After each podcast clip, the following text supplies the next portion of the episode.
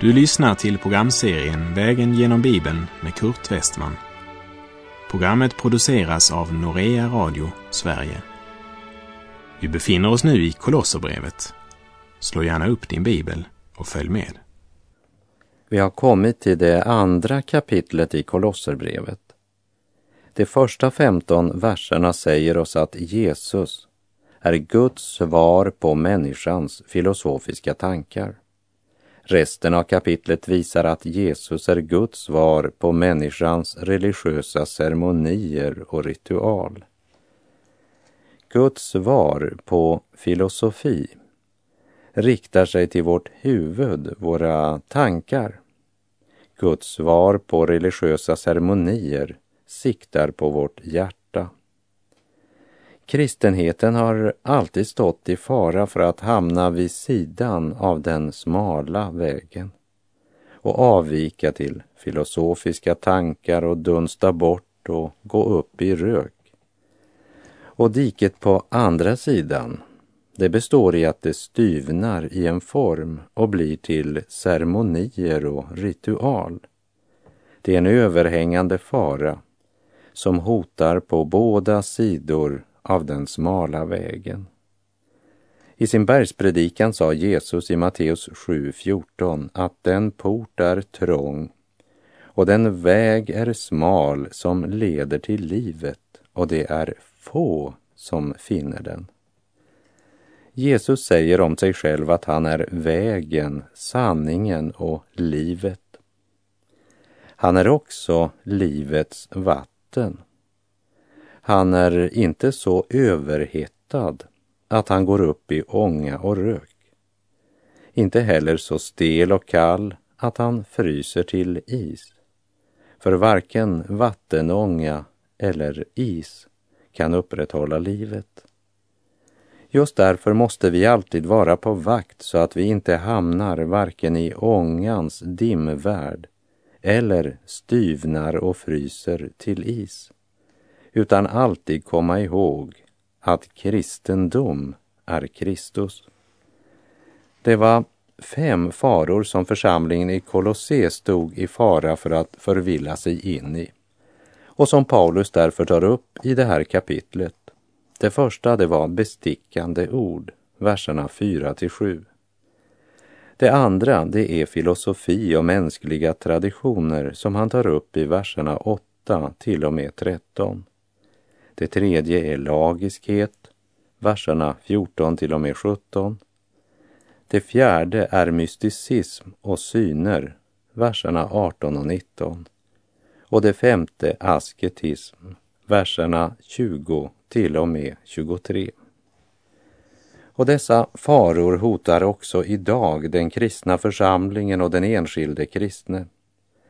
Och därför ska vi med öppna ögon vandra genom Kolosserbrevets andra kapitel och låta Guds ord belysa våra egna liv, verkligen undersöka vår egen andliga situation så att vi får se i vilken riktning vi just nu färdas.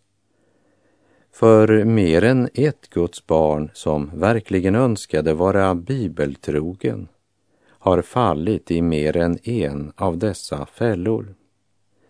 Vi läser Kolosserbrevet 2, vers 1 och 2. Jag vill att ni ska veta vilken kamp jag har att utstå för er och för dem som bor i Laodikea och för alla som inte har träffat mig personligen, för att de ska bli undervisade i kärlek och styrkta i sina hjärtan och nå fram till hela rikedomen i en fast övertygelse som ger rätt insikt i Guds hemlighet, Kristus. Städerna Kolosse, Hierapolis och Laodikea låg i Lykusdalen i västra Frygien i mindre Asien. Laodikea låg nära Kolosse i sydlig riktning vid Meanders biflod Lykus. Floden Meander mynnade ut i Egeiska havet. Dalen var mycket fruktbar och var omgiven av enorma berg eller fjäll av vilket det mest kända var det 2400 meter höga Kadmos. Laodikea är en av de sju församlingar som omtalas i Uppenbarelseboken och som beskrivs som ljummen. Här i Kolosserbrevet 2 talar Paulus om att han har en kamp att utstå både för dem i Kolosse och dem i Laodikea. Varken församlingen i Kolosse, Hierapolis eller Laodikea hade grundlagts av Paulus. Han skriver alltså till människor som han aldrig har mött personligen. Men Paulus och de troende i Kolosse, Hierapolis och Laodikea var ju lemmar på samma kropp. Och därför är Paulus inte heller likgiltig för deras andliga utveckling, även om han själv inte hade besökt varken Kolosse, Hierapolis eller Laodikea. Och vi ska lägga märke till att det viktigaste för Paulus var inte att värva medlemmar till sin församling. Men hans mål var att göra var och en av dem till Jesu lärjungar och efterföljare. Paulus hjärta brinner av iver för att de ska bli undervisade i kärlek och styrkta i sina hjärtan och nå fram till hela rikedomen i en fast övertygelse som ger rätt insikt i Guds hemlighet, Kristus. Kort sagt, för Paulus handlar det om att personligen lära känna Jesus och nå fram till hela rikdomen i en fast övertygelse. Undervisade i kärlek. Det är som om Paulus säger, det är inget hokus pokus. Det är något man behöver undervisas i. Tron kommer av predikan och den fallna människonaturen som lever och växer upp i denna syndens och egoismens värld måste undervisas i kärlek. Och då är det inte bara medlidande eller mänsklig omsorg som Paulus här siktar till, men till honom som är kärleken, Jesus Kristus, vår Herre och Frälsare. Styrkta i sina hjärtan. Det säger oss att det handlar om det inre livet. Hela vårt väsen förvandlas av mötet med Kristus, förutsatt att man blir undervisad i kärlek och styrkt i hjärtat. Det handlar inte bara om att komma till tro på Kristus, säger Paulus, men det handlar om att komma fram till hela rikedomen. Vilken rikedom? Jo, rikedomen i en fast övertygelse. Det är något vi bör lägga på minnet om vi tror Guds ord. Rikedomen i en fast övertygelse. Och då menar han den övertygelse som ger en rätt insikt i Guds hemlighet, Kristus. När Gud genom sitt ord och sin helige ande uppenbarar inte bara att du är i Kristus, men också den underbara sanningen att den uppståndne Kristus är i dig. Att vara i Kristus är frälsning och evigt liv. Men att Kristus får vara i dig är helgelse. Att vara i Kristus gör dig lämpad för himlen. Att Kristus får vara i dig utrustar dig till att leva här i denna värld. Att vara i Kristus förändrar målet för din resa. Men att Kristus får vara i dig förändrar din målsättning. Ian Thomas säger, den ene gör himlen till ditt hem, den andra gör världen till Guds verkstad. Må du bli undervisad i kärlek och styrkt i ditt hjärta och nå fram till hela rikedomen i en fast övertygelse som ger rätt insikt i Guds hemlighet, Kristus. Trofast är han som har kallat dig. han ska också utföra sitt verk.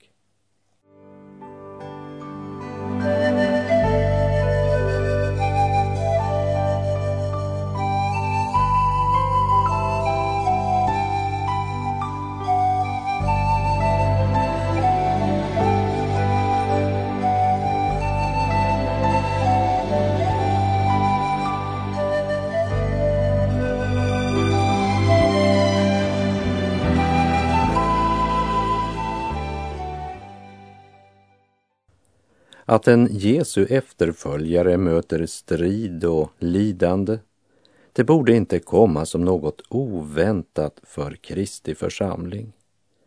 För den grund på vilken den bygger är ju Kristi korsdöd. Korsets budskap uppbygger församlingen eftersom Kristi försoningsdöd och segerrika uppståndelse är den grund som det kristna livet bygger på. Så det stannar inte vid korset, det börjar där. Men Kristus har övervunnit djävulen, synden och döden. Han är uppstånden och han lever och verkar idag. Jesus själv säger ju i Johannesevangeliets sjunde kapitel. Den som tror på mig Ur hans innersta ska strömmar av levande vatten flyta fram, som skriften säger. Detta sade han om anden som de skulle få som trodde på honom. Men ska vi få nåd att leva i detta så måste vi bli undervisade i kärlek och styrkta i våra hjärtan och nå fram till hela rikedomen i en fast övertygelse som ger rätt insikt i Guds hemlighet Kristus. En del av Guds hemlighet Kristus är Kristi brud. Att Gud skulle frälsa även hedningar, det hade gjorts klart redan under Gamla testamentets tid och han frälste dem men på pingstdagen började Gud något helt nytt. Han började genom budskapet om Jesus, frälsaren, att kalla människor ut ur denna värld och in i Kristi församling. Döpta av Guds helige Ande till att vara en kropp, vara ett med Kristus, vara ett i Kristus. Och det är det Paulus talar om i Första Korinthierbrevet 12, vers 12. Ty liksom kroppen är en och har många lemmar, men kroppens alla lemmar, och det är många, utgör en kropp, så är det också med Kristus. Kristus hade ju en fysisk kropp när han vandrade här nere och idag har han en andlig kropp här nere. Och den kroppen är kroppen av troende, det vill säga de som satt sin förtröstan till honom. Och kroppen kallas för Kristi kropp. Det var ju därför Herren sa till Saulus från Tarsis i Apostlagärningarna 9.4 Saul, Saul, varför förföljer du mig? Saulus förföljde Jesus personligen. Det är ju det Jesus säger i Apostlagärningarna 9.4. Församlingen av troende är Kristi församling. Den tillhör honom. Det är en del av Guds hemlighet, Kristus. Och i Första Korinthierbrevet 12 fortsätter Paulus och säger följande om Guds och Kristi församling i Första Korinthierbrevet 12, vers 13. I en ande har vi alla blivit döpta för att höra till en kropp.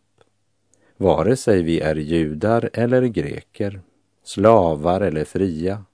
Och alla har vi fått en och samma ande utgjuten över oss. Paulus önskar att de ska bli undervisade i kärlek och styrkta i sina hjärtan och nå fram till hela rikedomen i en fast övertygelse. som ger rätt insikt i Guds hemlighet, Kristus.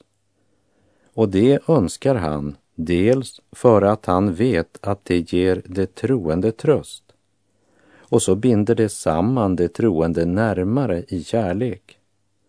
Och det leder dem in i en sann, djupare förståelse. Och Paulus budskap är kristallklart när han säger att det första och det sista i denna förståelse, det är Kristus. Därför är det en hjärtesak hos Paulus att leda alla Jesu lärjungar till en fast övertygelse som ger rätt insikt i Guds hemlighet, Kristus. För det är i Kristus alla vishetens och kunskapens skatt skatter ligger gömda. Det är som om Paulus ville säga, ska ni söka en större kunskap om Gud, då är det viktigt var ni söker och hur ni söker. Och när det gäller den religiösa människans felaktiga sökande så är bestickande ord det första han varnar dem för. Vi läser Kolosserbrevet 2.4. Detta säger jag för att ingen ska bedra er genom bestickande ord. Här riktar han uppmärksamheten mot filosofi och bestickande ord. När filosofi och psykologi börjar ta den plats som Guds ord ska ha verkar det bestickande på många av de blivande pastorer och församlingsföreståndare idag. Det är skrämmande att möta så många med teologisk ämbetsexamen, ja, till och med teologisk doktorgrad, men som ändå är så främmande för honom som är skriftens kärna och centrum. Det är ett av vår tids största problem. Och den faran fanns också i Kolosse och även i Laodikea. Ja, jag tror att det var det som tog död på det andliga livet i Kolosse och gjorde församlingen i Laodikea till den svagaste av de sju församlingarna i mindre Asien. De var i en högst eländig situation och ändå trodde de faktiskt att det stod ganska väl till. Det var välstående städer och de var stolta över sin välfärd, sin rikedom och inte minst sin kunskap. Men sanningen om dem var att de faktiskt var helt blinda för sin egen andliga ställning. De var andligt självbelåtna. Paulus säger, låt ingen bedra er med bestickande ord. Våra hjärtan måste nå fram till hela rikedomen i en fast övertygelse som ger en rätt insikt i Guds hemlighet, Kristus. En allt djupare gemenskap med Kristus och en större kännedom till honom som är huvudet för församlingen är det enda som verkligen för oss framåt.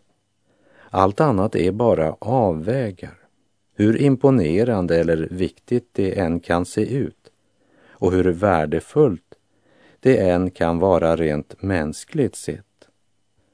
Vi minns från Första Korinterbrevets andra kapitel att Paulus, han skrev till de troende i Korint.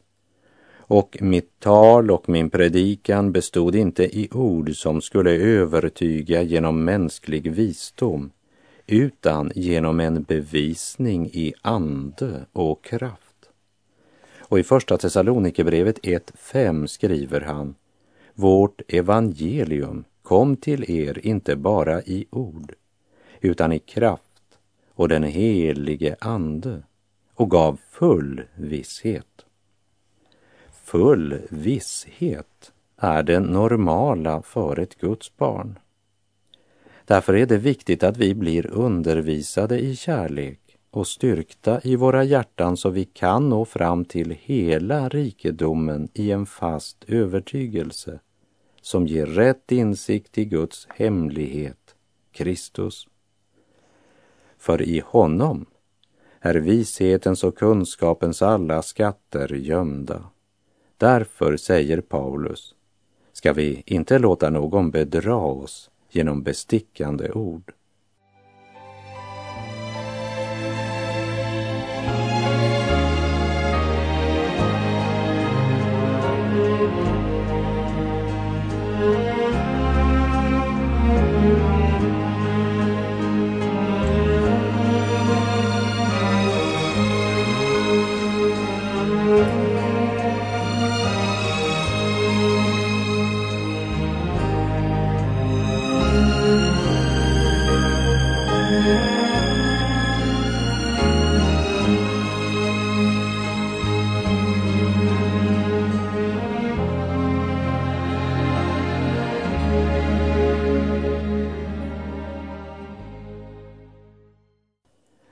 Läser i Kolosserbrevet 2, vers 5.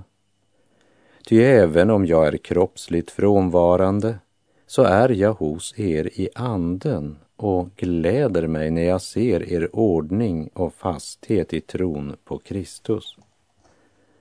När jag ser er ordning, låt oss lägga märke till de orden.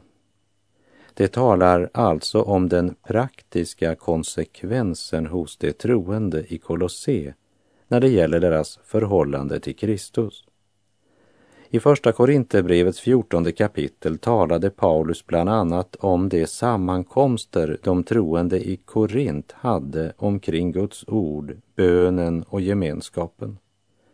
Och där skriver han i Första Korinterbrevet 14, vers 26 till och med 32. Hur skall det då vara, bröder? Jo, när ni samlas har var och en något att ge. En psalm, ett ord till undervisning, en uppenbarelse, ett tungotal och en uttydning. Låt allt bli till uppbyggelse om någon talar tungomål får två eller högst tre tala, och då en i sänder, och någon skall uttyda det. Men finns det ingen som uttyder skall den som talar tungomål tiga i församlingen och endast tala för sig själv och till Gud. Två eller tre profeter skall tala och det andra ska pröva det som sägs men om någon annan som sitter där får en uppenbarelse ska den förste tiga. Ni kan alla profetera, en i sänder, så att alla blir undervisade och alla blir tröstade. Och profeternas andar underordnar sig profeterna. Ty Gud är inte oordningens Gud, utan fridens.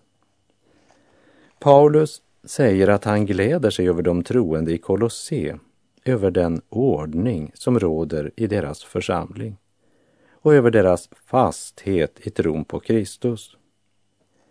Deras stora intresse för att få en djupare kännedom till Jesus och livet i tron är bra.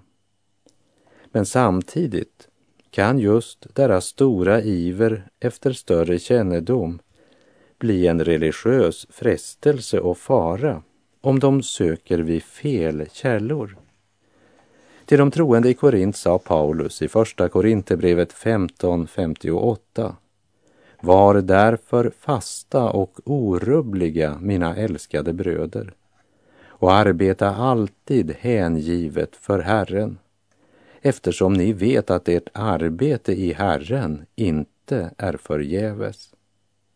Var fasta och orubbliga. Till de troende i Kolosse skriver han, jag gläder mig när jag ser er ordning och fasthet i tron på Kristus. Skulle han säga detsamma till dig och mig? Även om Paulus inte själv personligen mötte troende som tillhör Kristi församling i Kolosse, så tänker han ofta på dem, skaffar sig information om dem ber för dem och gläder sig över dem. Paulus sitter själv i fångenskap för evangeliets skull. Men han säger inte stackars mig och suckar och klagar. För hans tankar kretsar inte omkring honom själv. Kristus bor i hans hjärta, eller som han uttryckte det i Galaterbrevet 2.20. Nu lever inte längre jag, utan Kristus lever i mig. Och det liv jag nu lever i min kropp, det lever jag i tron på Guds son som har älskat mig och utgivit sig för mig. Paulus lever i Kristus och Kristus har fått lov att leva sitt liv i Paulus. Och Kristi tankar och omsorg är hos församlingen, den kropp för vilken han är huvudet. Och eftersom Paulus liv styrs och leds av Kristus så är Paulus i anden närvarande även i Kolosse, fast hans kropp befinner sig en helt annan plats. Hans kropp är i fängelse, men hans ande är fri och den är närvarande hos de troende. Det är det han säger i Kolosserbrevet 2, vers 5. Ty även om jag är kroppsligt frånvarande så är jag hos er i anden och gläder mig när jag ser er ordning och fasthet i tron på Kristus. Hur ljuvligt det är att möta på vägen till himmelens land en återlös syskonskara med hjärta hjärtan som satts i brand. Det fyller med glädje vårt sinne och skänker oss mod och hopp. Det stärker den svage pilgrim i tröttande vandringslopp. Vi aldrig förmår att tolka vad djupast i hjärtat bor. Ty det vi gemensamt äga förstår endast den som tror. Och en är den Herre som bjuder oss alla sitt nådesord. Vi är och ett i anden och höra till samma jord. Ej finnes en jordisk släktskap, ej knytes ett vänskapsband som hjärta vid hjärta binder, förenande hand med hand. Som det vi i tron har gemensamt, en tro, en frälsare kär, som barn utav samme ande vi följa hans budord här.